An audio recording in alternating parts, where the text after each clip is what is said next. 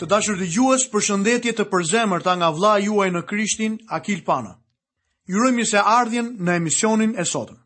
Dua t'ju kujtoj që jemi duke studiuar librin e Levitikut dhe menjëherë do të fillojmë të lexojmë sot nga kapitulli i 20 i Levitikut, nga vargjet 10 deri në vargun e 16. Në rast se ndonjë njeri shkel kurorën me gruan e një tjetri, në qoftë se shkel kurorën me gruan e fqinjit të tij, Shkelci dhe shkelcja e kurorës do të dënohen me vdekje. Në qoftë se dikush bie në shtrat me gruan e atit të tij, ai zbulon lakuriqësinë e të atit. Prandaj që të dy do të dënohen patjetër me vdekje. Gjaku i tyre do të bjerë mbi ta. Në rast se dikush bie në shtrat me nusen e birit të tij, që të dy do të dënohen me vdekje, kanë kryer një degjenerim të neveritshëm. gjaku i tyre do të bjerë mbi ta. Në qoftë se dikush ka marrëdhënie seksuale me një burrë, ashtu si ato që bëhen me një grua, që të dy kanë kryer një degjenerim të neveritshëm, do të dënohen patjetër me vdekje, gjaku i tyre do të bjerë mbi ta. Në qoftë se dikush merr për grua, bijën dhe nënën e saj, kemi një inçest, do të digjen në zjarr si ai, ashtu dhe ato, me qëllim që të mos ketë inçest midis jush. Në rast se një burrë bashkohet me një kafshë, ai do të dënohet me vdekje, do të vritet edhe kafsha. Në rast se një grua i afrohet një kafshe për t'u bashkuar me të, do të vrasësh gruan dhe kafshën. do të dënohen patjetër me vdekje, gjaku i tyre do të bjerë mbi ta. E gjithë kjo pjesë përmban mëkate të pashprehura dhe madje të pabesueshme. Tradhtia bashkëshortore në çdo formë apo trajtë dënohej me vdekje. Mëkatet seksuale kanë shkaktuar përmbysjen e perandorive më të mëdha. Do të thoja se seksi dhe pijet alkoolike ishin dy shkaqet e rënies së Babilonisë, Egjiptit, Romës edhe Francës. Çfarë paralajmërimi për kombin tonë! Ky është një qortim kundra moralit tolerues të ditëve të sotme. Këto mëkate sollën squfur dhe zjarr edhe mbi Sodomën dhe Gomorrën. Këto janë mëkatet që e bëjnë Perëndinë të heqë dorën e tij prej njeriut. Me gjithë imoralitetin e tmerrshëm të këtyre mëkateve dhe vrazhdësinë e dënimit, Shpëtimtari qëndron i gatshëm të falë këdo që do të vijë tek ai. Zoti Jezus vendos vdekjen e tij sakrifikuese midis këtij mëkati dhe gruas që kryen tradhtinë. Vdekja e tij sakrifikuese të lan ty nga çdo mëkat miku im. Nëse do të shkosh tek Jezusi për falje. Le të shohim më poshtë krimet e caktuara që dënohen më pak. Lexojmë në kapitullin e 20 të Levitikut nga vargjet 17 deri në vargun e 21. Në qoftë se dikush merr motrën e vet, bijën e atit të tij ose bijën e nënës së tij dhe sheh lakuriqësinë e saj, dhe ajo sheh lakuriqësinë e tij, ky është një turp, Të dy do të shfarrosen në sytë e bijve të popullit të tyre. Ai ka zbuluar lakuriqësinë e motrës së vet. Do të mbajë dënimin e paudhësisë së tij. Në rast se dikush bie në shtrat me një grua gjatë kohës së zakoneve të saj dhe zbulon lakuriqësinë e saj, ai ka zbuluar fluksin e saj dhe ajo ka zbuluar fluksin e gjakut të vet, që të dy do të shfarrosen në mes të popullit të tyre. Nuk do të zbulosh lakuriqësinë e motrës së nënës sate ose të motrës së atit tënd, sepse në këtë mënyrë zbulohet lakuriqësia e një të afërmi të një gjaku, që të dy do të mbajnë dënimin e paudhësisë së tyre. Në qoftë se dikush bie në shtrat me gruan e ungjit të tij, Ai zbulon lakuriqësinë e ungjit të tij, që të dy do të mbajnë dënimin për mëkatet e tyre, do të vdesin pa fëmijë. Në qoftë se dikush merr gruan e vëllait të tij, kjo është një gjë e papastër, ai ka zbuluar lakuriqësinë e vëllait të tij, nuk do të kenë fëmijë. Inçesti me motrën ose gjysëm-motrën ishte i ndaluar dhe dënimi ishte që të ekzekutohej publikisht.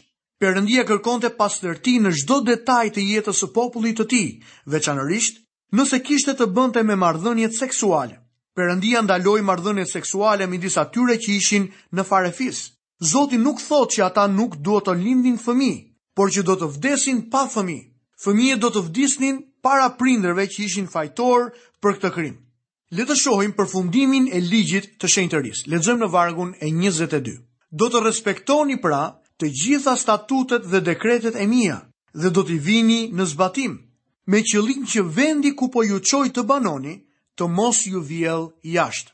Perëndia i nxori kananejtë nga vendi sepse kryenin këto mëkate të tmerrshme. Ai paralajmëron Izraelin se do t'i nxjerrë edhe ata jashtë nëse do të bëjnë të njëjtat gjëra. Perëndia nuk është respektues apo i anshëm me personat. A e dini se dështimi i tyre ndaj bindjes së Zotit i çoi nën robërinë babilonase? Dëgjoni se çfarë është regjistruar në librin e dytë të mbretërve. Manasi ishte dymbëdhjetë vjeç kur filloi të mbretërojë dhe mbajti fronin pesëdhjetë e pesë vjet në Jeruzalem. Ai bëri atë që ishte e keqe në sytë e Zotit sipas zakoneve të neveritshme të kombeve që Zoti kishte dëbuar para bijve të Izraelit. Kaloi edhe nëpër zjarr të birin. U muar me magji dhe shortari dhe u këshillua me mediume dhe magjistarë. Bëri atë që është plotësisht e keqe në sytë e Zotit, duke shkaktuar zemërimin e tij. Por ata nuk e dëgjuan dhe Manasi i shtyu të vepronin më keq se kombet që Zoti kishte shkatërruar para bijve të Izraelit. Rikthehemi edhe një herë tek Levitiku dhe lexojmë në vargun e 23. Dhe nuk do të ndiqni zakonet e kombeve që unë po bëhem gati t'i përzë përpara jush. Ata i kanë bërë të gjitha këto gjëra, prandaj unë i urrej. Kjo i përgjigjet pyetjes në lidhje me drejtësinë e Zotit në shkatërrimin e disa prej kombeve që pushtuan Palestinën. Si rezultat i këtyre mëkateve, Ata u përpinë nga disa sëmundje sociale. Perëndia i ndaloi njerëzit e tij të merrnin ose të preknin ndonjë gjë në qytetin e Jerikos në kohën e pushtimit. Me sa duket sëmundjet veneriane ishin përhapur në përpjesëtime të mëdha. Lexojmë tek Levitiku në vargun e njëzet e katër. Por juve ju thashë, Ju do të shtini në dorë vendin e tyre, do t'ju jap si pronë, është një vend ku rrjedh qumësht dhe mjaltë. Unë jam Zoti Perëndia juaj që ju ka ndarë nga popujt e tjerë. Ishte një vend që rridhte qumësht edhe mjaltë. Ai vend ishte i mbushur plot me drurë. Çfarë i ndodhi këtij vendi? Po të gjitha kombet do të thonë, pse Zoti e trajtoi kështu këtë vend? Pse ky zemërim kaq i madh? atëherë do të përgjigjen, sepse kanë braktisur besëlidhjen e Zotit, Perëndisë së etërve të tyre, që ai lidhi me ta kur i nxori nga vendi i Egjiptit, sepse ata shkuan t'u shërbejnë perëndive të tjera dhe ranë përmbys përpara tyre, perëndi që ata nuk i njihnin dhe që Zoti nuk u kishte dhënë atyre. Për këtë arsye u ndez zemërimi i Zotit kundër këtij vendi, me qëllim që të gjitha mallkimet e shkruara në këtë libër të binin mbi të. Dhe Zoti i shkëputi nga vendi i tyre me zemërim, me tërbim dhe me indinjatë të madhe, dhe i hodhi në një vend tjetër, siç po ndodh sot. Ata po mbjellin pemë në atë vend sot.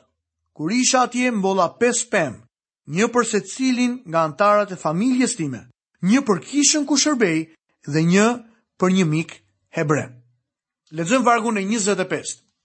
Do të dalloni pra kafshët e pastra nga ato të papastra, zogjtë e pastër nga ata të papastër, dhe nuk do të bëheni të neveritshëm duke ngrënë kafshë, zogj, o çfarëdo gjëje që hiqet zvarrë mbi tokë dhe që unë i kam veçuar për ju si të papastra.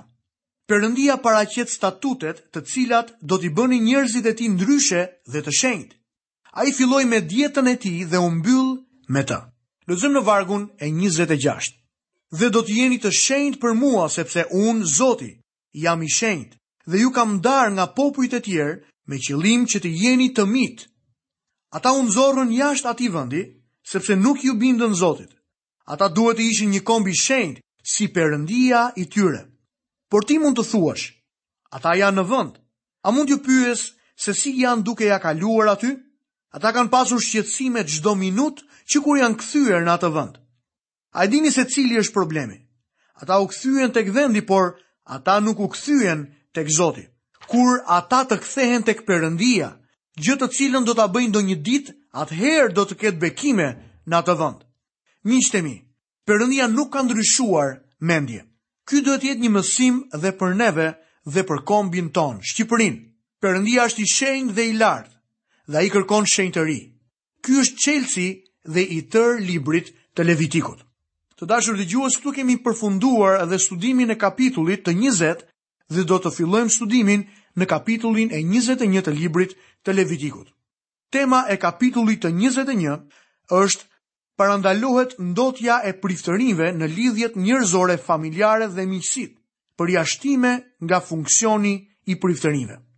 Deri tani kemi studiuar ligjin që u drejtohej njerëzve nga kapitulli i njëmbëdhjetë deri te kapitulli i njëzet i librit të Levitikut. Tani ne vemë, mrrijmë tek ligji për pastërtinë personale të priftërinjve. Kjo gjendet në kapitujt njëzet e një dhe njëzet e dy. Këtu do të shohim shumë përsëritje. Qëllimi i Zotit ishte që i gjithë kombi të ishte një mbretëri priftërinjsh. Mosbindja e tyre në çështjen e viçit të artë shkatërroi mundësinë e realizimit të shoqërisë perfekte dhe ideale. Kur të vijë mijëvjeçari, atëherë do të arrihet shoqëria e përkryer. Atëherë gjithë kombi i Izraelit do të jetë prifti këtu në tokë për njerëzit e tjerë, kombet pagane. Gjatë mijëvjeçarit dhe gjatë përjetësisë do të ketë tri grupe të familjes njerëzore. Grupi i parë do të jetë Kisha e Zotit Jezu Krisht në Jeruzalemin e Ri. Grupi i dytë do të jetë kombi i Izraelit këtu në tokë Dhe grupi i tretë, paganët e shpëtuar në këtë tokë. Pas dështimit të Izraelit, Perëndia zgjodhi një fis që të ishin priftëri, dhe ky ishte fisi i Levit. Për këtë arsye në Izrael ekzistonin kongregacionet, priftëria dhe kryeprifti. Pozicioni më i lartë kërkonte një angazhim më të madh. Përgjegjësia e madhe kërkonte një nivel jetese më të lartë. Kisha sot quhet një priftëri mbretërore. Çdo besimtar është një prift dhe ka hyrje të lirë në fronin e hirit. Çdo besimtari prift i kërkohet të jetojë një jetë të shenjtë, e cila është e mundur vetëm me anë të fuqisë së Shpirtit të Shenjtë, i cili banon në ne. dhe të keni para së gjithash një dashuri të madhe për njëri-tjetrin sepse dashuria do të mbulojë një shumicë mëkatesh. Jini mikpritës njëri me tjetrin pa murmuritje. Gjithësecili le ta vërë në shërbim të tjetrit dhuntinë që ka marrë, si kujdestarë të mirë të hirit të shumëfarshëm të Perëndisë. Nëse dikush flet, le ta bëjë si të shpallë orakujt e Perëndisë. Kush bën një shërbim, le ta bëjë në forcën që i jep Perëndia. Që në gjithçka të përlëvdohet Perëndia, nëpërmjet Zotit Jezu Krisht, të cilit i takon lavdia dhe pushteti për shekuj të shekujve. Amen. Pjetri gjithashtu vazhdon të thotë në letrën e tij të parë, Por ju jeni fis i zgjedhur, priftëri mbretërore, një komb i shenjtë, një popull i fituar që të shpallni mrekullitë e atij që ju thirri nga terri në dritën e tij të mrekullueshme. Ju që dikur nuk ishit një popull, kurse tani jeni populli i Perëndisë. Ju dikur të pamëshiruar, por tani të mëshiruar. Si njerëz të Perëndisë ne jemi thirrur për të jetuar një nivel të lartë jetese. Apostulli Pal tek letra drejtuar Efesianëve na tregon. Këtë pra po dëshmoj në Zotin, të mos ecni më si po ecin ende johebrenjtë e tjerë, në kotësinë e mendjes së tyre, që të zhvisheni për sa i takon sjelljes së mëparshme nga njeriu i vjetër që korruptohet me anë të lakmive të gënjeshtrës dhe të përtëriheni në frymën e mendjes tuaj dhe të visheni me njeriun e ri, të krijuar sipas Perëndisë në drejtësinë dhe shenjtërinë e së vërtetës. Fëmija i Perëndisë është shpëtuar me anë të hirit dhe është thirrur në këtë standard më të lartë në jetën e tij. Një besimtar duhet të jetë i kujdesshëm në të pranuarin e një detyre në kishë. Nëse bëhet një nëpunës, duhet të dijë të mbajë përgjegjësinë që merr. Nuk kam shumë durim me personat që pranojnë një detyrë dhe pastaj thonë se nuk mund të vijnë dot në takimin e së enjtes ose të së dielës në mbrëmje. Do të ishte më mirë që ai person të mos ta kishte pranuar këtë detyrë të re. Përgjegjësia kalon përmes privilegjit. Është privilegj t'i shërbesh Perëndisë në një detyrë të caktuar. Ti je zgjedhur për ta bërë. Atëherë përballoje atë. Zoti Jezu Krisht është Kryeprifti ynë më i lartë dhe ai e kryen me përpikmëri detyrën e tij. Në Letrën e Hebrejve kapitullin e shtatë, vargjet njëzet e gjashtë deri në vargun e njëzet e tetë, Na thuhet, sepse ne një kryeprift i tillë na duhej, i shenjtë, i pafaj, i papërlyer, i ndarë nga mëkatarët dhe i ngritur përmbi qiejt, i cili nuk ka nevojë çdo ditë, si ata kryepriftërinjtë, të ofrojë flijime më parë për mëkatet e veta e pastaj për ato të popullit, sepse këtë e bëri një herë e mirë kur e kushtoi vetveten, Sepse ligji vë kryepriftërinj njerëz që kanë dobësi, por fjala e betimit që vjen pas ligjit vë birin që është i përkryer në jetë të jetës. Zoti Jezu Krisht është prifti dhe sakrifica. Ai ofroi veten e tij për ne. Prifti dhe kryeprifti vendosen tani nën kompetencat e ligjit. Le ta shohim këtë gjë. Lexojmë në kapitullin e 21 të Levitikut, vargun e parë deri në vargun e tretë. Zoti i tha akoma Moisiut, foli priftërinjve, bijve të Aronit dhe u thuaj, asnjë prift të mos ndotet për një të vdekur në mes të popullit të tij. Veçse po të jetë një i afërm i tij i një gjaku, nëna, ati, biri, bija, vëllai dhe motra e tij ende e virgjër që jeton me të dhe që nuk është martuar ende, për atë mund të ndotet. Moisiu duhet t'ua japë këto udhëzime priftërinjve. Vdekja është paga e mëkatit dhe ideja është se ata nuk duhet të ndoteshin me mëkat. Kontakti fizik me të vdekurin sjell ndotje. Prifti lejohej që ta ndoste veten vetëm për të afërm të ngushtë. Këtu përmenden të gjitha lidhjet e ngushta të gjakut. Ai lejohej të shprehte ndjenjat e tij të simpatisë dhe pikëllimit si një prift i Perëndisë. Ai duhet të ishte si Jezusi, i cili qau tek varri i Lazarit dhe u prek nga ndjenjat e dobësive tona. Por gjithsesi, ai nuk lejohej ta ndoste veten për ndonjë të vdekur tjetër. Ai mund të vajtonte në zemrën e tij, por i ishte mohuar kontakti fizik. Lexojmë vargun e katërt. Duke qenë një udhëheqës në mes të popullit të tij, nuk do të ndotet duke përdhosur veten e tij.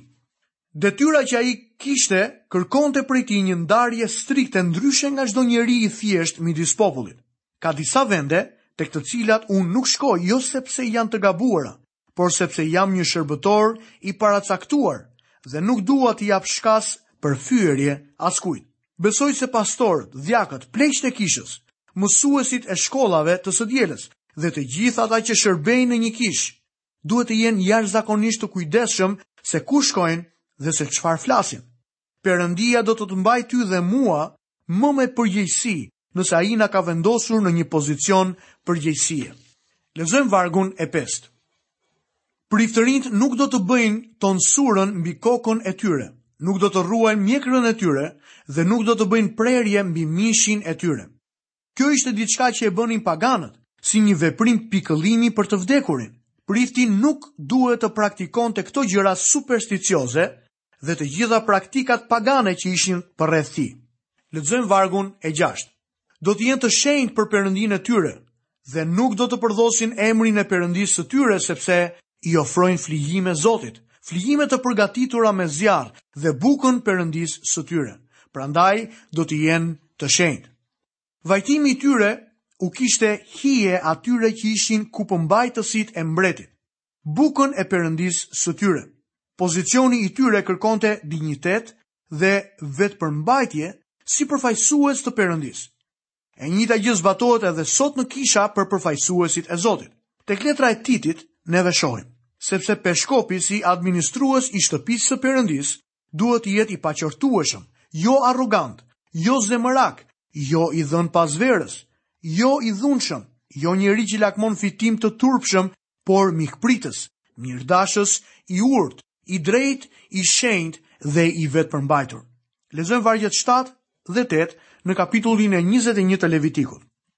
Nuk do të marrin për grua një kurvë, as edhe një grua faqenxirë, nuk do të marrin një grua të ndarë nga burri, sepse janë të shenjtë ndaj Perëndisë së tyre. Ti do ta konsiderosh priftin të shenjtë, sepse ai i ofron bukën Perëndisë tënd. Ai ka për të qenë i shenjtë për ty, sepse unë, Zoti që ju shenjtëroj, jam i shenjtë. Kjo i referohej jetës së tij private dhe personale. Ai duhet të zbulonte shenjtërinë e Zotit për shkak të pozicionit të tij. Priftit nuk i lejohej të merrte për grua një kurvë, prostitutë ose një grua të ndarë nga burri. Arsyeja që i jepej është se ai i shërben Perëndisë, sepse ai i ofron bukën Perëndisë tënd. Prifti ishte sipas llojit të Krishtit, një pamje, një hije e Krishtit që do të vinte. Edhe trupi i besimtarëve i quajtur sot nusja e Krishtit duhet të pastrohet përpara se të paraqitet para tij, e pa njollë dhe pa rrudha. Udhëheqësi i kishës duhet të jetë një shembull për të tjerët në këtë çështje të veçantë. Mund t'ju them se unë kam marrë shumë letra nga burra dhe gra që kanë qenë të divorcuar para se të shpëtoheshin. Disa nga burrat duan të hyjnë në shërbesë dhe disa nga gratë dëshirojnë të bëhen misionare.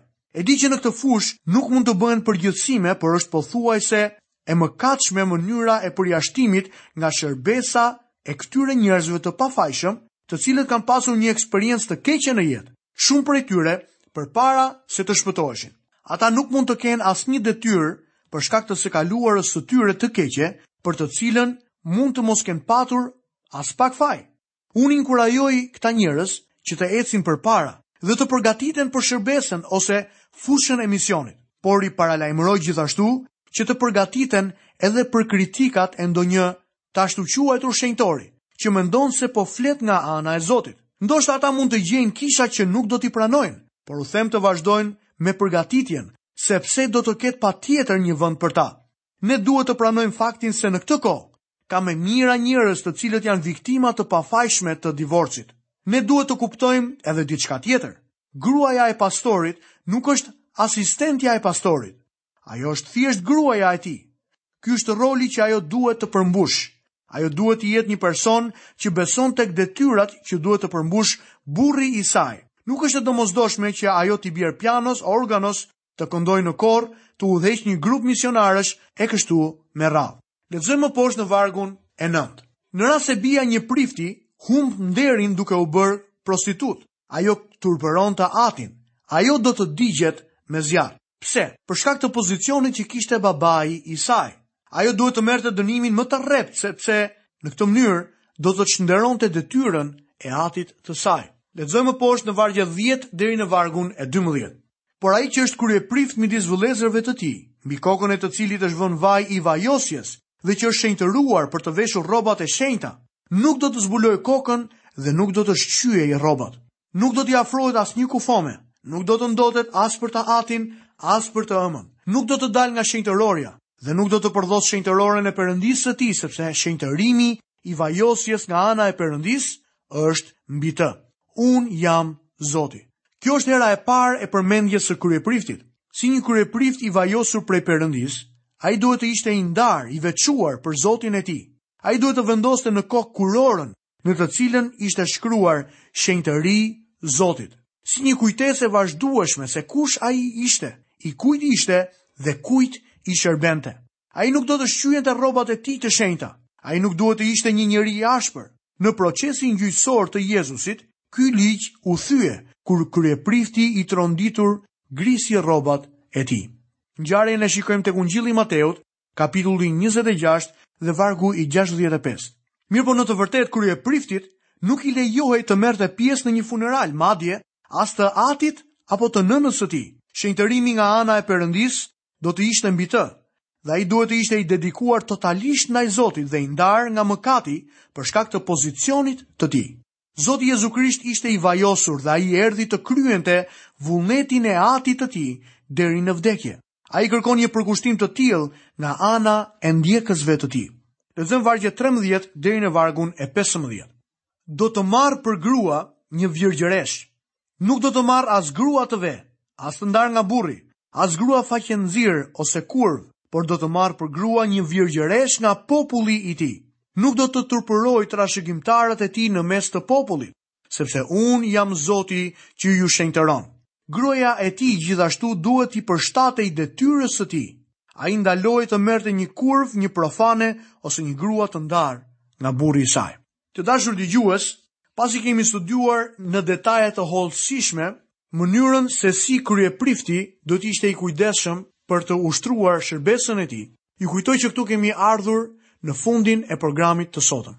Nga vëllai juaj Akil Pano, keni të gjitha bekimet e Zotit dhe paqen e Tij në jetën tuaj. Bashkë mirudëgjofshim në emisionin e ardhshëm.